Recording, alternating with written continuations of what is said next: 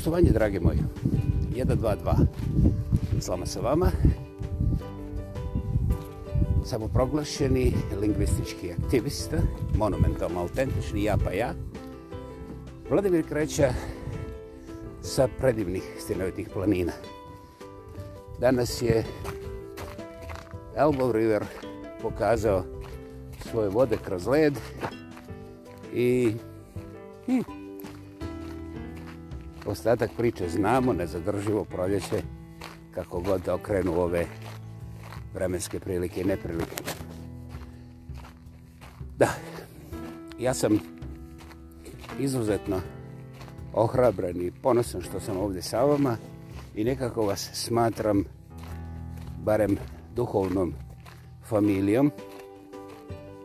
A postoji više tih tehničkih detalja među kojima je kvaliteta zvuka doista najbitnije, jer ako kvalitet zvuka, zvuka nije na visini, onda šta čovjek može čuti, a ako čuje fragmente, treba da ih poveže na svoj način i to nikad ne može biti original. Dakle, taj tehnički dio, bez obzira koliko ga ja, na primjer, ili bilo ko drugi volio, ne volio, mora biti prioritet, što kod mene nije bio slučaj i ja se sa tim dijelom ne ponosim, ali eto kažem da ga imam u videokrugu i da radim te korake iz dana u dan, jer stječe mi iskustvo gdje šta kako i kako otkloniti te kritične tehničke manjkavosti koje doista ne pripadaju u bilo kakav podcast, ali ni u komunikaciji jer je uništavaju. Istovremeno, ja sam sasvim siguran da vi znate kako ja nemam pripremljen tekst i kako ja u momentu kada govorim, biram određenu riječ i način te riječi. Tako da, bez obzira na sve moje kapacitete, ponekad, to sam ja ulovio, ja umjesto kupus, kažem krastavac, jer, Bože moj, šta je voće, šta je povrće, važno je da niko ne voli salatu. I ovaj, naravno da se tu nije desio ni jedan međunarodni sukob zbog mojih lapsus lingua ekspertiz, ali i to sam uhvatio i naravno stvarno nastavim da popravim. Ovaj podcast imene odgaja, jer ne može se koristiti samo glas i komunicirati uspješno, a da se pritome ne slijedi nekakva disciplina. Hvala najprije disciplina riječi. E, sadržaj i koncept su, a zapravo moraju biti nekako bar malo promišljeni prije nego što se zausti, prije nego što se pritisne ovaj record button.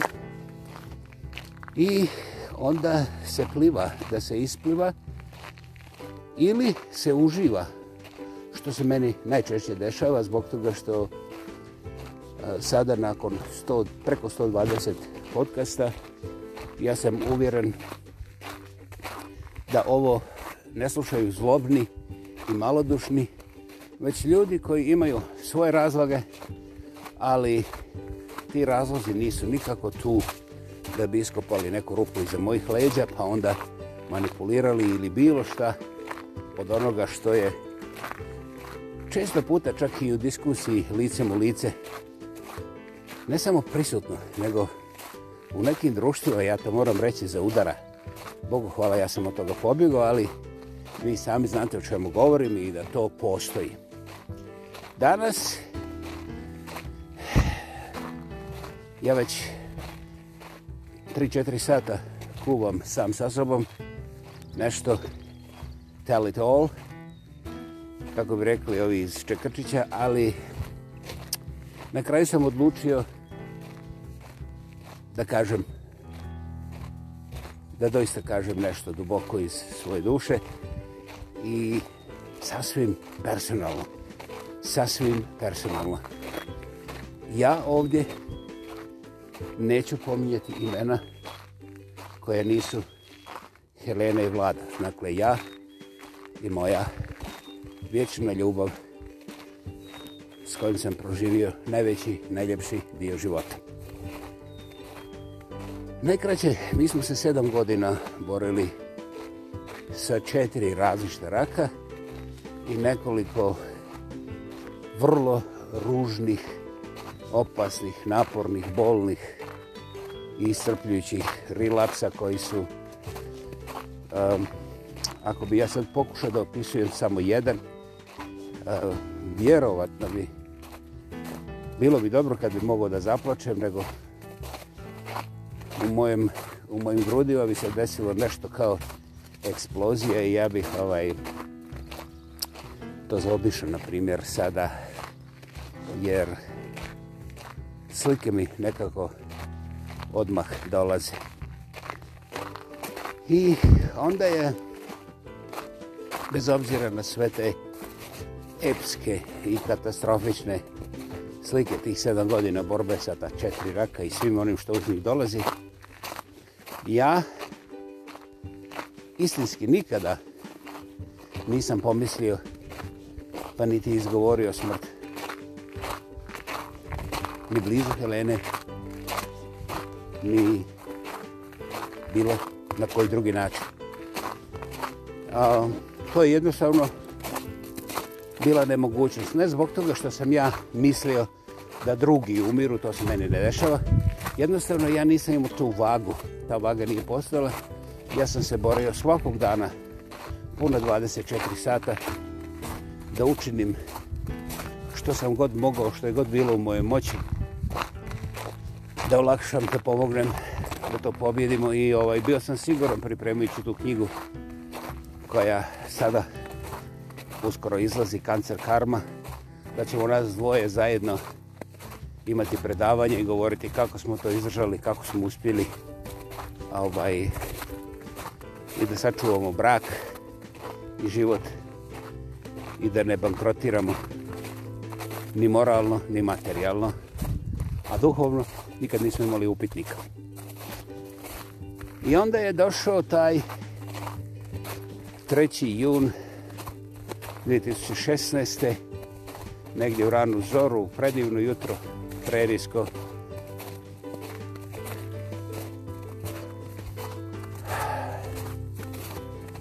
Ja sam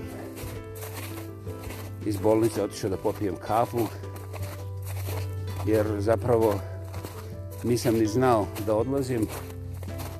Jedna bliska Helenina prijateljica, kanadžanka, me odvela na doručak i kavu. Ja sam popio kavu, nisam vidio doručak. Tek dvije godine kasnije ona je meni rekla da je prvi put vidjela da ja, eto, pored prekrasnog kanadskog doručka, koji sam najviše volio, Mountain Man, ha, tako se zove. Ja sam popio kavu i bulio. Bulio u prostor. Šta sam osjećao, kako sam osjećao? Znate šta? Znate šta? ja ne znam što mogu reći drugi, ali ja se i danas ne sjećam da je ta Helena prijateljica mene odvela na taj nekakav doručak gdje sam ja popio samo kafu. Ali apsolutno ne sumnjam da ona govori istinu. I onda sam ja već tog istog dana oko podne dobio papire da sutradan ili najdalje za dva dana moram preuzeti ja zemaljske ostatke gospođe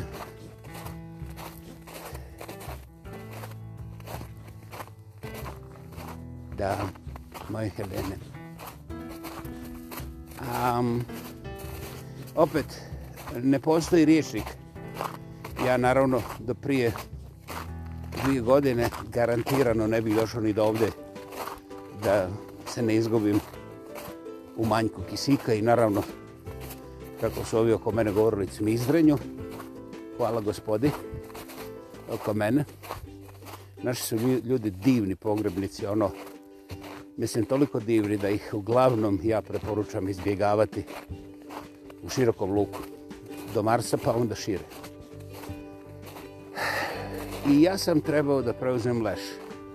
U kući koja je sedam godina bila samo borba sa rakovima, ja u tom momentu nisam imao jednog jedinog dolara. Dobro, Helena je sakrila negdje novčanicu, jednu američku novčanicu, malu za sreću koju smo dobili kao studenti u Beču. Ali, doslovce, Naše kartice su bile prepune. Um, sve je bilo potrošeno. Uh, e, frižer je bio prepun tih nekih čudnih rijekova. Recimo dobivali smo minerale iz, iz New York od neke specijalne kompanije što je trebalo da tu taj rak jetre barem smiri. Ne bih o tome koliko je to koštalo, pola frižidera je bilo puno toga. Dakle, mi smo imali vrlo skupe stvari u frižideru, vrlo skupe stvari okolo, ali ja u tom momentu doslovce nisam imao šta da jedem. I nije me zanimalo, nisam bio toga uzbuđen. A, ja, oni su meni telefonirali, tako se prošlo dva dana. I ja sam morao da preuzmem korpsis, ja sam morao da preuzmem tijelo, zamisli. Odjednom Helena postala tijelo. I ovaj, um, oko mene nije bilo nikoga. Oko mene nije bilo nikoga. Zašto nisam povukao ovaj,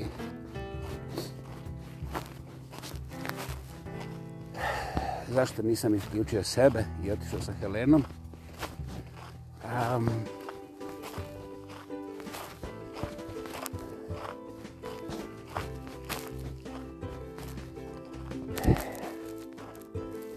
Preskočio sam dva telefonska koje sam obavio sa Evropom i treći je bio razgovor sa Heleninim starim bratom s kojim sa ja čak nisam ni viđao. Mislim, ono, barem 25 godina nismo se vidjeli, u Petrinji nekad u prolazu, ali da smo sjeli negdje pa, recimo, popili pola kave ili možda cijelu Coca-Colu, ne, to se nije desilo. A, nismo imali nikakvih personalnih interakcija, ni dobrih, ni loših. I ja sam nazvao njega da mu kažem zašto, kako. Ne mogu objasniti taj impuls. Mislio sam da ja kao taj koji je jedini ostao u kući trebam reći najbližoj rodbini šta se desilo. To vjerujem i danas. I ja zaustavim njemu da kažem kakvi su mogući glasovi oko nas i doslovce tako, on kaže na to moje, da mi nismo nikad živjeli perfektno. On kaže, ne zanima me šta će reći, imam ja to ovdje koliko hoćeš za izvoz, ali daj da ja tebi kažem nešto. I u tom momentu ja sam bio polumrtav i stvarno bio sam spreman da sebi odgrizem grhe i mislim, ha, ha, ha, evo stiže nova kanalizacija ravno u facu. I onda čovjek govori i ja sam tek sutradan, tek sutradan mi je došlo do glave šta je on rekao. On je dosad se rekao, znaš, ja znam svoju sestru. Mi smo 20 godina zajedno živjeli od djetinstva pa dok ona nije krenula na fakultet. I da moja, žena, moja sestra nije željela tebe, ti bi u dva sata ispario za ovih. Ne bi mogo da se približiš ni na koji način više. Ja sam zanijemio, vjerovatno spustio telefonsku slušalicu i bio sam polumrtav. Ne znam šta sam radio tog dana, jednostavno ne znam. Jer sam bio pod dejstvom vrlo, vrlo, vrlo jakih sedativa. Znam ono, jednostavno ugasi mi se dan i onda se odjednom pojavim hladno mi. I nakon 5 minuta ili 5 sati strašno mi vruće i onda pokrenem, okrenem se oko sebe i vidim da na peći progorela jedna čelična ova mala šerpica od jedne lita ripo gdje sam ja vjerovatno sebi htio pripremiti kavu ali to je ostalo tu i onda pošto ništa nije bilo u blizini da se zapali, ona je gorila, usijala se, smrdila i onda ja imam dva indikatora za CO2 i imam ove indikatore za dim i oni su pištili, pištili, pištili, pištili i onda je došao susjed da kuca na vrat, tako sam se ja eto probudio. I onda sam ja primijetio šta se desilo.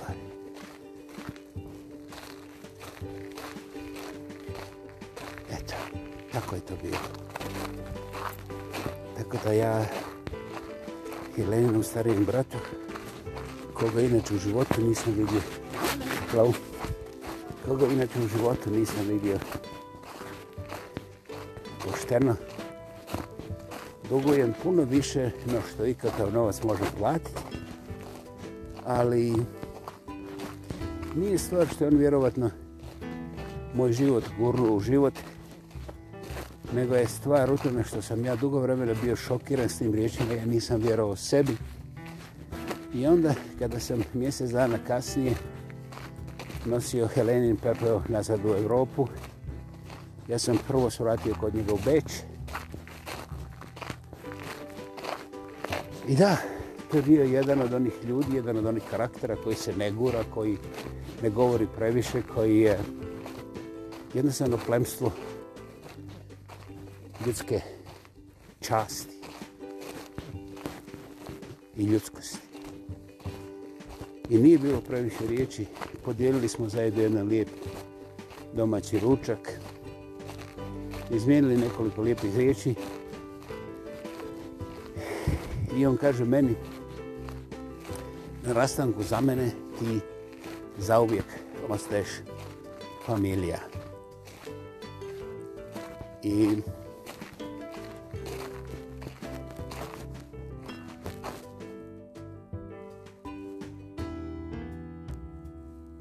to mi nije niko rekao. Niko prije.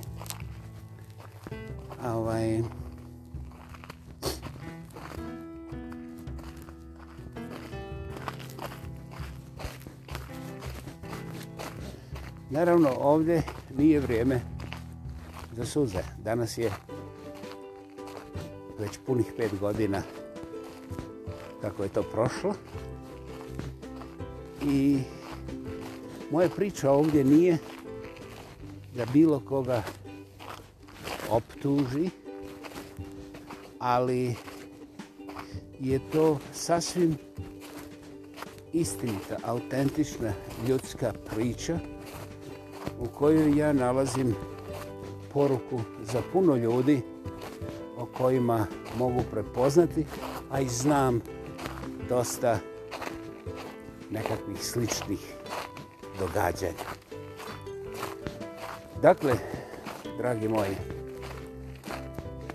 um, da li ja trebam sad ovde da pojašnjavam kako vrijeme prolazi, kako je život u mnogo čemu iluzoran ili recimo čak nemilosrdan ili kako na kraju priče ipak ima predivnih ljudi doista onakvih kako je zbog ko zna kakvog zla iskustva vi onda toliko odrvenite da i ne očekujete da se pojavi jedan plemić ljudskog duha ispred vas bez obzira da li je to neko u familiji ili sa strane Dakle, to je upravo ono što sam u ovom podcastu htio reći. Oko vas, apsolutno sam siguran, prolazi, i to sam siguran, dosta šljama, dosta potpuno nezainteresiranih, nepostojećih, ali, dragom Bogu hvala, uvijek i na svakom mjestu ćete naći ljude posebnog kova, posebnih kvaliteta, ljude koji su apsolutni plemići uma, duha i sluha i koji su, ja bih čak ovako slobodno tumačići nazvao, sveci na dvije noge ovdje među nama. I oni daruju život i daruju sadržaj životu i moć. I oni zapravo od nade sve pretvaraju u stvarnost. Dakle, ako bih ja htio na kraju ovog inicijalnog Tell It All zaključiti, onda bi to bilo upravo s ovim, posebno naglašujući da doista svagdje ima takvih ljudi, samo oni ne trče da kažu gledaj mene, ja sam anđeo na zemlji. To nećete doživjeti jer taj koji kaže gledaj mene, ja sam anđeo, ja sam plemenit, ja sam ovo, ja sam ono. Ljudi moji, da li vam treba objašnjavati da cigo, svaki cigo za svoga konja kaže kad ga napuše dobro gledaj kako je ugojan, kako je šampionski i sve te stvari. Dakle, tu lekciju ja ne bih čak ni usporodni preporučio jer to je znanje sa kojim ste rođeni. Kada najđete na anđela u ljudskom obliku, on vam sigurno neće reći, ej, gledaj mene, ja sam taj. Nego, to je božanska kvaliteta. Imate je. Vi morate disati i morate biti prisutni kada se družite sa ljudima. Vi morate i pogledati i udahnuti i onda sebe zaustaviti prije nego što kažete sve što vam pada na pamet i dozvoliti da neke riječi legnu i na vašu dušu, a ne samo na mozak. I onda neće biti problema da prepoznate anđele. I onda i vi sami to svjetlo možete početi dijeliti sa ljudima kojima je neophodno.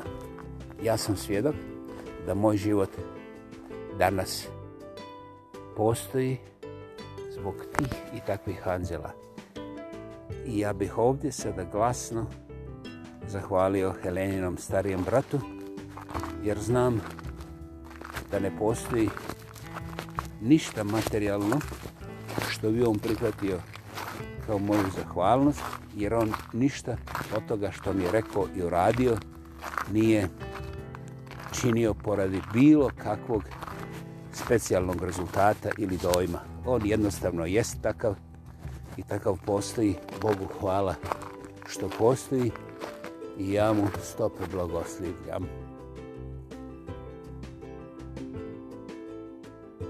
I eto, smrt opet nije nadvladala.